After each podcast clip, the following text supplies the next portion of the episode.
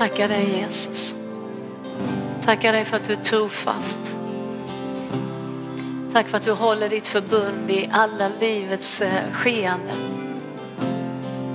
Du sviker aldrig oss, du sviker aldrig mig, du sviker aldrig den du älskar Gud. Jag tackar dig för att du är helig och du är rättfärdig.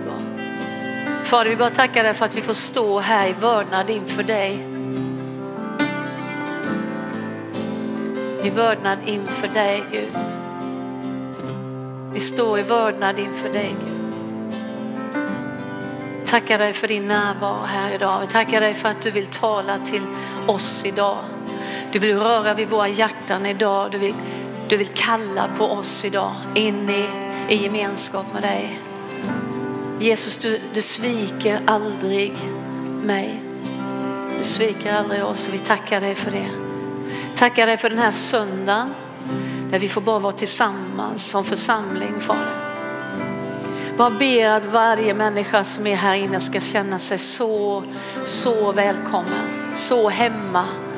Som att de är i en familj som de kanske ännu inte känner eller känner. Vi ber Fader att du ska komma med din närvaro på ett sådant sätt så att trygghet får finnas i det här rummet Fader.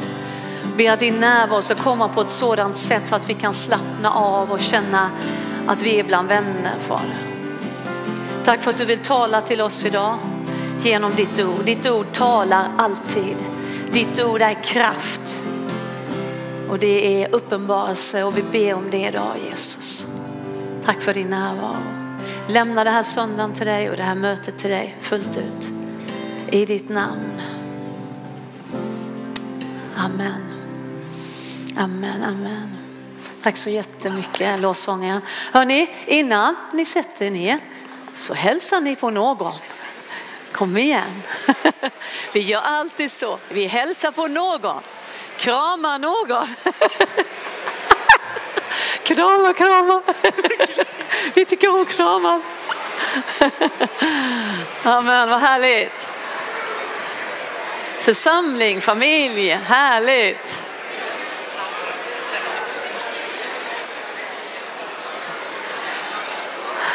Ja.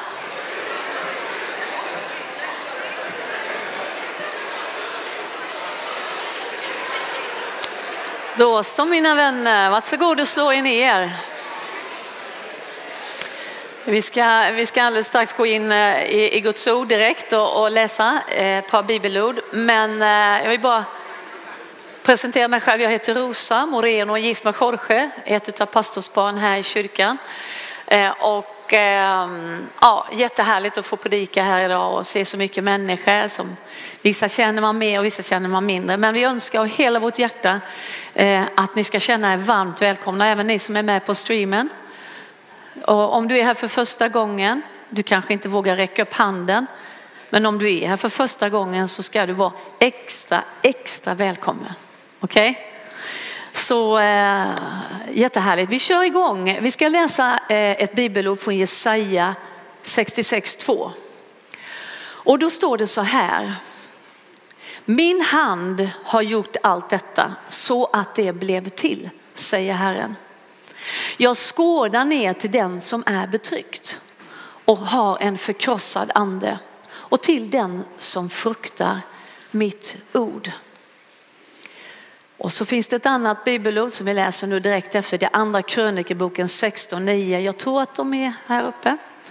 Så står det så här, ty Herrens ögon överfar hela jorden för att han med sin kraft ska hjälpa dem som med sina hjärtan ger sig hän till honom. Och den här predikan eh, har vi kallat, eh, jag och Isak faktiskt, Gud söker varje människa. Gud söker varje människa. Han skådar ner till de som är betryckta, har en förkrossad ande, till de som fruktar hans ord. Hans ögon överfar hela jorden för att han med sin kraft vill hjälpa, kommer att hjälpa de som i sina hjärtan hänger sig till honom. Gud söker varje människa. Eh, och när vi säger det att Gud söker varje människa och har en plan för varje människas liv så är det ingenting som man bara säger. Det är kanske, vi har kanske hört det många gånger men det är ingenting som vi bara säger. Gud söker dig och Gud söker mig och han har en plan, ett syfte med våra liv. Det är på riktigt. Och det här kan ju vara sanningar som vissa av oss har levt med ett helt liv. Alltså kanske man är född in i en kristen familj och har hört detta så länge man kan minnas eller inte. Eh, kanske är man en sökare som har sökt i massa olika andra religioner eller saker. Eller så har man precis tagit emot Jesus i sitt hjärta. Och då behöver man veta från djupet av sitt hjärta att Gud söker oss och Gud har en plan för våra liv. Och jag ska tala idag om tre olika, man kan säga kallelser eller tre olika områden som Gud vill kalla oss in i. Och den första kallelsen, det är den individuella. Den individuella kallelsen. Och vad är det en kallelse till? Jo, det är en kallelse till att bli född på nytt. Det är en kallelse till att bli född på nytt och få del av gudomlig natur. Där Jesus är vår frälsare och Herre. Alltså Herren kallar oss in i hans närvaro. Varför är det här så viktigt då? Jo, därför att varje människa är så dyrbar. Varje människa är så värdefull. Varje människa är Guds ögonsten. Det är därför han söker, det är därför hans ögon letar efter varje människa. Och vi ser det och vi förstår det när vi förstår priset som Gud har betalat för att friköpa hela mänskligheten. Och vi ska läsa ett, eh, vi ska läsa först ett ord ifrån Romarbrevet 5.8. Då står det så här, Gud bevisar sin kärlek till oss. Gud bevisar. Han känner inte bara, han bevisar sin kärlek till oss genom att Kristus dog i vårt ställe medan vi ännu var syndare. Han bevisade sin kärlek för att han älskar dig. Och sen kan vi citera ett ord som vi har kanske läst många gånger men kanske du sitter här och har aldrig läst det. Och det är från Johannes 3.16. Ty så älskade Gud världen att han gav Jesus. Han gav sin enfödde son. För att de som tror på honom inte ska gå under utan få evigt liv. Alltså när Gud har frälst oss av nåd genom tro så börjar vi en resa med honom. Och den här resan, det är en resa där vi får eh, lära känna honom dag för dag genom livserfarenhet efter livserfarenhet som kanske inte alltid är så roligt alla gånger. Genom utmaning efter utmaning. Men det är det här som kallas liv, eller hur? Finns det någon på denna jord i detta rum som aldrig har gått igenom någonting? Som aldrig har gått igenom en svår resa eller, eller, eller ett skeende som har varit tufft. Det finns, jag tror inte att det finns alltså. Annars lever man kanske uppe i det blå, jag vet inte. Men utmaning efter utmaning, den resan får vi vara med om. Och eh, när Gud sen då fostrar oss, vilket han gör, det står att det kan vara lite jobbigt när Gud fostrar oss. Det står att han agar den han har kär. Agar det fostrar. Han fostrar oss. Så är det för att han vill hjälpa oss att lära känna först och främst honom. Men han vill också att vi ska lära känna oss själva. Han vill att vi ska lära oss känna, för han ser vårt liv. Han ser våra tillgångar, han ser våra utmaningar, han ser våran resa, våra styrkor, våra svagheter, våra blinda fläckar. Ja, om vi inte tror att vi har blinda fläckar så är vi blinda på riktigt alltså. Han såg kvinnan vid Sykars brunn i Johannes 4, eller hur? Han såg Natanael under trädet. Det står i Johannes 1. Han såg Sackeus uppe i trädet. Lukas 19.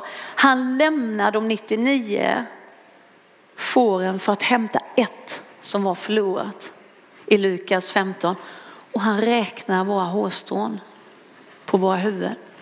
Matteus 10. Alltså Gud söker varje människa. Han ser varje människa. Han ser oss. Och det, jag tror att det är en sanning som måste fundamentalt hamna i djupt i vårt inre. För det är då vi får uppleva att vi älskar det, att vi är sedda. Men när vi då tittar på människor, när jag tittar på människor, när kanske du tittar på människor och vi ser på människor så har vi ofta väldigt många fördomar. Eh, och eh, den största fördomen tror jag är att vi inte har några fördomar. För det har vi faktiskt. Eh, och varför har vi fördomar? Jo, för att vi tittar ju på människor utifrån våra egna ögon, eller hur? Vi tolkar världen på det sättet och så kopplar vi det här samman med tidigare erfarenheter, våra egna upplevelser och vår egen kultur. Därför är det så här när människor har varit med om trauman eh, i olika situationer med olika slags människor så kan en sång eller en lukt eller någonting annat påminna om det traumat och så har man bildat sig en uppfattning att kanske just den platsen eller den personen kan skada mig. Det är så vi tolkar världen. Vi ser på människor utifrån våra egna ögon och så blandar vi in en massa där. Men Gud ser inte så. Han ser till hjärtat. Han ser bakom, han ser igenom, han ser förbi. Och eh, vi vet inte vilken potential det finns i varje individ. Men om en människa, och det här är jag helt övertygad om, om en människa kommer i rätt miljö och har en rätt jordmån i sitt hjärta till att ta emot Guds ord och växa så kan den absolut torraste gren börja spira igen. så är det om vi tror på människor och om vi tror på Guds förmåga att förvandla människor så kan han förvandla vem som helst. Det finns inga hopplösa fall. Allvarligt talat, det finns inte det. Rätt miljö och jordmånen och Guds ord så händer hur mycket som helst. Och jag gick in och googlade igår lite grann. Vissa, det är så här va, vissa växter och träd växer i de mest absolut torraste och svåraste klimat. För varför? För att de är skapade till den miljön. Det är som att Gud har skapat dem till den miljön. Han har format dem för att kunna bo och leva i den miljön. Och vilken miljö befinner du och jag oss i? Vilken miljö känner vi att Gud har byggt in i oss? Vi brukar kalla det, oh där kände jag att jag var i mitt rätta element, eller hur? Vilken miljö har Gud byggt in i oss? Och jag ska berätta bara en kort en, story om en man. Jag läste en story och eh, den här mannen föddes 1847 i Ohio i USA. Och eh, han gick i skolan och när han var då eh, liten skolålder då så fick hans mamma ett brev ifrån skolan. Eh, och eh, då berättade mamman till den här pojken att skolan inte kunde behålla honom kvar för han var ett geni och de hade ingen möjlighet att kunna utveckla honom.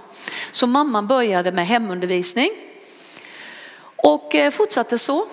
Och när då mamman dog så hittade den här sonen eller pojken som då hade blivit man, han hittade brevet som skolan hade skrivit och det stod något helt annat i brevet. Det stod så här att skolan uttryckte att de ansåg att han var mentalt bristfällig. Så det var ingen idé att hålla honom kvar i skolan för de ansåg att han skulle inte lära sig någonting.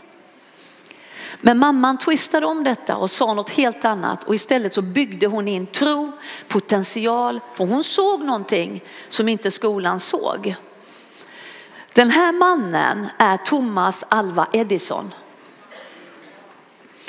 Och han är ju eh, den största genom historien, den största eh, uppfinnaren, industrialist.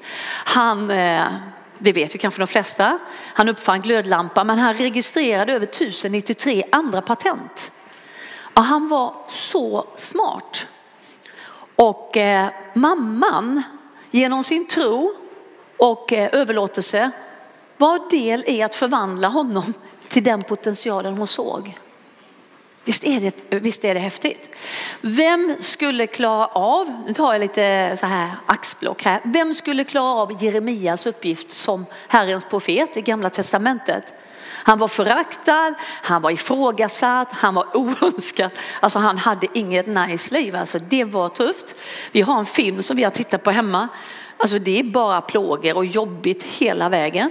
Vem skulle klara av Esters uppgift? Alltså med hela livet som insats så gick hon in och gick fram inför kungen. En ung kvinna med ett otroligt stort mod liksom. Var, vem skulle klara av Daniels uppgift?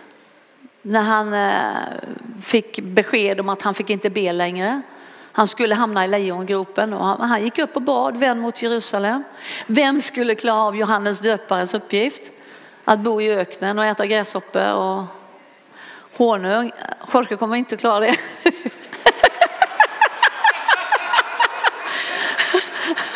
I love you darling, jag var tvungen att säga det. Men eh, vem skulle klara av Paulus uppgift? Han var piskad, stenad, skeppsbrott, förföljd. Alltså, men de var, det är som att de är skapade till att klara det. För när Gud väljer människan, lägger ett syfte, lägger en plan i så ger han också förmågan att klara av det. Vi blir liksom skapade för den miljön. Och vi ska läsa från Hebreerbrevet 12.32 lite grann här. Det är trons kapitel. Så står det så här, kommer på tavlan här. Vad ska jag säga mer? Jag skulle inte hinna med att berätta om Gideon, Barak, Simson och Jefta, om David, Samuel och profeterna. Genom tron besegrade de kungariken. De skipade rätt, de fick löften uppfyllda, täppte till lejonsgap, släckte rasande eld och undkom svärdsägg. De var svaga men blev starka. De blev väldiga i strid och drev främmande herrar på flykten. Ah, vad häftigt alltså. Det här är människor som du och jag. Som är utvalda av Gud själv och blev rustade till att utföra Guds kallelse för en speciell tid. Men då kan jag säga så här, vem skulle klara av det du har gått igenom och det jag har gått igenom? Men ändå är vi ju här, eller hur? I våra sinnesfulla bruk. För Gud håller oss starka och friska på insidan. En annan aspekt är när Salomo skulle bygga templet så fanns det en noggrannhet och skicklighet som Gud bara talade in i Salomo. Det skulle byggas eh, på ett speciellt sätt. Det skulle vara absolut varje område det bästa han kunde hitta. Och, och var det en slump då? Nej, det var en mönsterbild på hur Gud ville att templet skulle se ut. Ehm, det står, vi kan bara nämna det, jag behöver inte läsa hela eh, ordet här, men från andra krönikeboken 2.7 eh, står det, sänd mig konstnärlig begåvad man som tillsammans med de skickliga hantverkarna som jag har här Eh, hos mig här i Juda och Jerusalem som min fader David har anställt kan arbeta i guld, silver, koppar och järn och i purpurrött och karmosinrött och mörkblått garn och är dessutom en duktig trädsidare. Sänd mig också cederträ, cypressträ och algumträ från Libanon. För jag vet att de här tjänarna är skickliga att, bygga, att hugga virke på Libanon. Alltså Salomo använder sig av de absolut skickligaste, utvalda, av Gud smorda till att göra detta och bygga templet. Det här var Salomos tempel. Men nu är ju du och jag, vi är ju den heliga andes tempel. Så om Gud var noggrann där och planerade i detalj när Salomon skulle bygga templet, hur tänker då Gud om oss? När Gud bygger våra liv, han är minst lika noggrann. Han lämnar inget åt slumpen. Jag tror inte på slumpen. Och visst, det finns orsak och verkan, det finns sådd och skörd, det finns konsekvenser på vårt handlande. Men jag tror att Gud är mycket mer med i våra liv ibland än vad vi tror och förstår. Han navigerar liksom och hjälper oss på alla sätt. Och eh, han har utrustat oss för en särskild tid och med olika gåvor. Och människan har en otrolig förmåga att överleva faktiskt. Vi kan se det om man tittar, tittar på historier, människor som har varit utsatta för väldigt mycket. Man kan titta på människor som har varit utanför, ute för trauman och kommit igen. De har en extrem förmåga att överleva, att erövra och utforska nya områden. Och eh, man kan säga så här, det är inget fel att vara stark. Men vi behöver förstå att det är Guds styrka som gör att vi övervinner. För utan Gud så har vi inget hopp. Så är det. Att vara stark i sig själv, det håller en kort tid. Men vi orkar inte hela vägen. Men Gud ger oss kraft att orka. Eh, och ehm, vi talar ju mycket om att vi är lerkärl och skatten finns på insidan. Och det är så sant. Gud formar oss och när vi misslyckas, för vi gör det. Vi är inte perfekta. Vi är ofullkomliga, vi misslyckas och Gud formar om oss igen och så finns skatten i lerkärl. Men om vi bara identifierar oss som lerkärl, om vi tolkar det som att vi är sköra, då kan vi missa den styrka som Gud har lagt ner i oss för att faktiskt göra oss till övervinnare. Så är det. Vi ska läsa ett bibelord från, eh, från första Johannes 5.4. Och då står det så här, ty allt som är fött av Gud övervinner eller besegrar världen. Detta är den seger som har besegrat världen, vår tro. För vem kan besegra världen utom den som tror att Jesus är Guds son? Det står så här i första Johannes 4.4. Ni kära barn är från Gud och har besegrat dem till han som är i er är större än den som är i världen. Gud har gett oss en kraft att övervinna varje skeende i livet. Den finns där. Fast vi kanske inte, inte alltid säger, nej äh, jag känner mig svag. Men i Gud har vi styrka. Så det innebär att vi samarbetar med Gud i enlighet med hans syfte. Våra beslut, men hans styrka. Eh, och när vi tittar på, när Paulus säger så här, vi kan läsa från andra Tim 4, 7, så står det så här, Paulus säger så här i slutet så säger han så här, jag har kämpat den goda kampen. Jag har fullbordat loppet. Jag har bevarat tron. Nu ligger rättfärdighetens segerkrans i förvar åt mig. Och när han säger så här, han har fullbordat sitt lopp, då säger han direkt efter, jag har bevarat tron.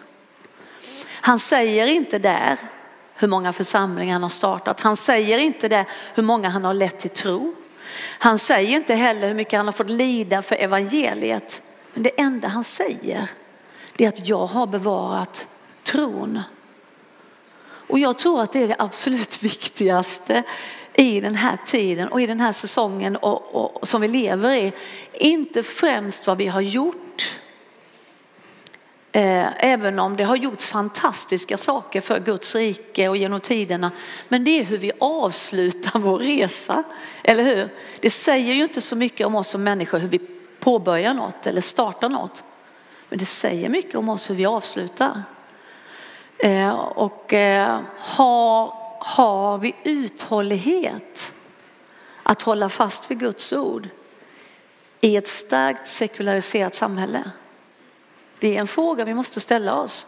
För vi ser vad som händer eh, i vår värld runt omkring oss. Vi ser vad som, som eh, pågår och så. Har vi, har vi uthållighet att hålla fast? Har vi mera beslut och disciplin än att böja oss för minsta möjliga motstånd. Och jag tror att Gud vill resa upp någon, någonting i oss, inte i oss själva styrkan, det där är ju bara lönlöst. Men en styrka i att förstå att Gud är med. Han vill skapa en frimodighet, han vill skapa en, en kraft till att tala, en kraft till att stå upp. En kraft till att se, en kraft till att sträcka ut och hjälpa, hjälpa människor överallt. Liksom. Men också en kraft till att stå för Guds ord. Eh, och jag, jag läste om eh, profeten Elia. Eh, det står ju så här i första Kungaboken 18. Då sände Ahab omkring bud över hela Israel och samlade profeterna på berget Karmel. Elia då var Herrens profet och han utmanade Balsprofeterna.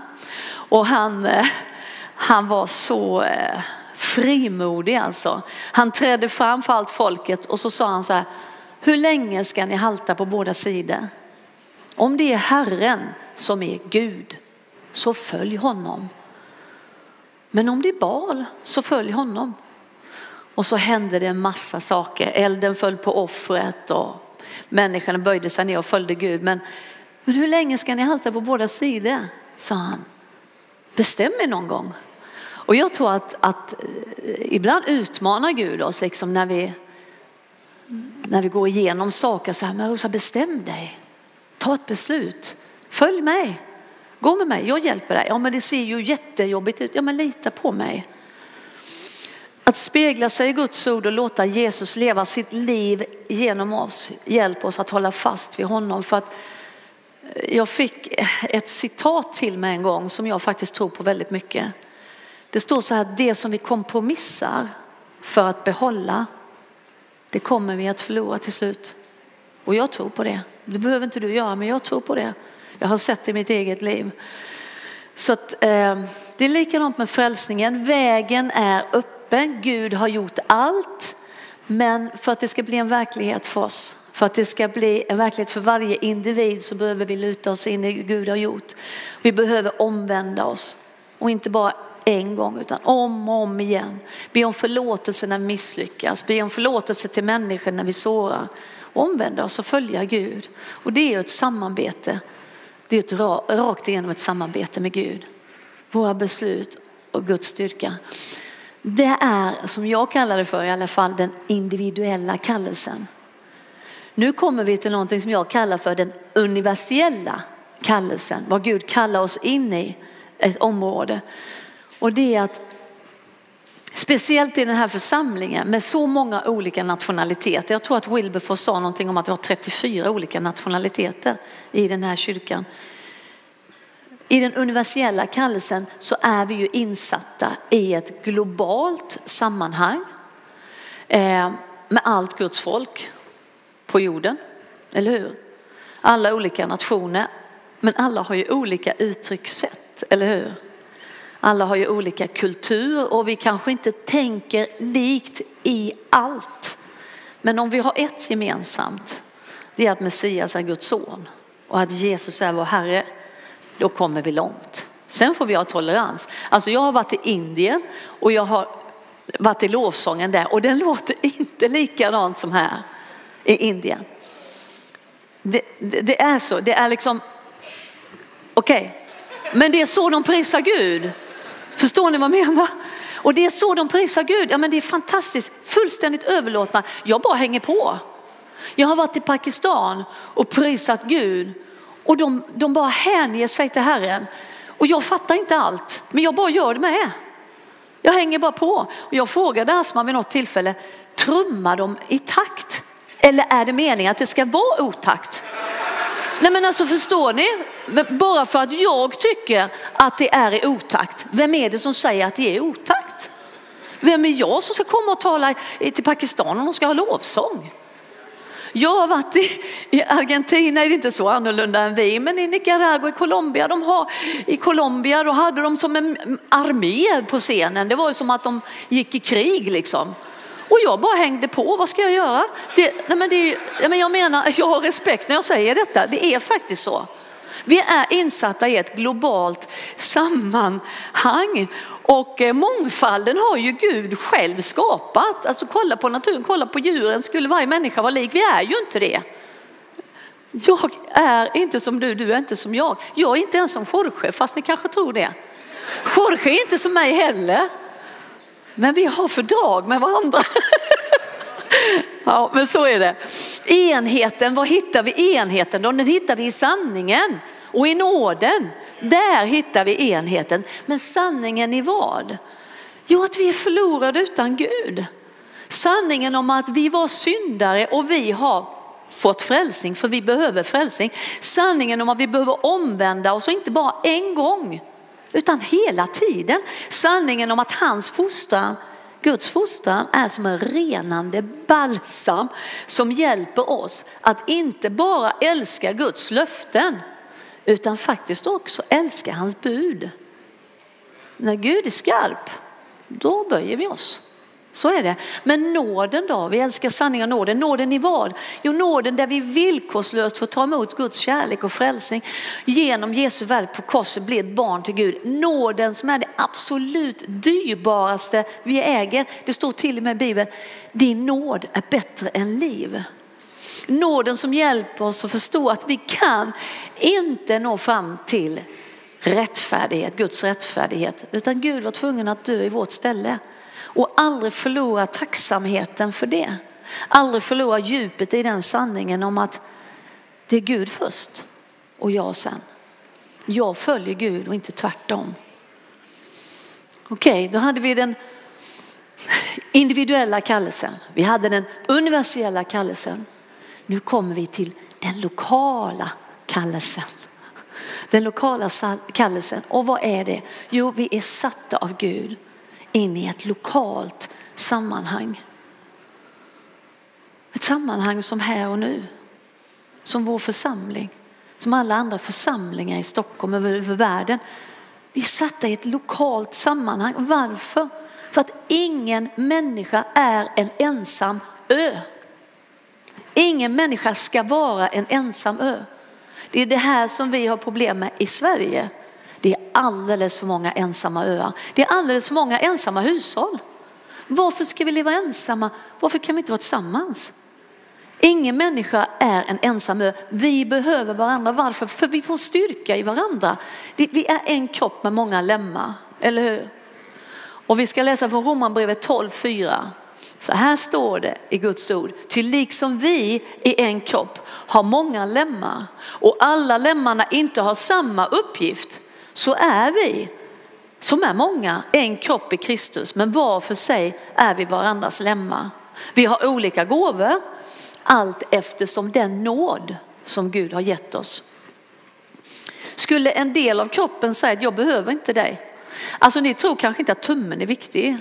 Men har man läst lite anatomi så vet man att tummen är den du greppar allting med. Förlorar du tummen så försök.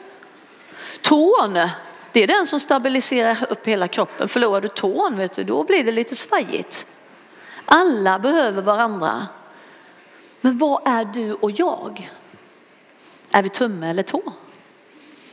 Eller är vi fötterna som vill gå ut? Eller är vi hjärtat som känner sådär lite extra? Eller är vi armarna som omfamnar? Eller är vi hjärnan som strukturerar, sammanfattar, organiserar? Eller är du kanske ögat som ser det som ingen annan ser? Eller är du tungan som talar rätta ord i rätt tid? Mose hade uthållighet. Abraham hade lydnad. Daniel hade vishet. Ester hade mod. Paulus hade övertygelse, men Jesus hade allt. Eller Han är the head och vi är kroppen med alla dess olika delar. Så det står så här i Kolosserbrevet 1.27. För dem ville Gud göra känt vilken rikedom på härlighet hedningarna har i denna hemlighet. Kristus i er, härlighetens hopp. Där har du den individuella kallelsen. Kristus i oss, vårt härlighetshopp. Sen kallar Gud oss med en universell kallelse tillsammans med den globala församlingen, familjen över hela jorden. Här dömer vi ingen. Här älskar vi och omfamnar även om inte vi förstår allt. Även om jag inte kan hålla takten så respekterar jag, älskar och omfamnar. För vi är alla i samma familj. Och det tredje, Gud kallar oss lokalt tillsammans i den lokala församlingen. Så avslutningsvis, här tillsammans tjänar vi Gud och så bygger vi församlingen. Amen.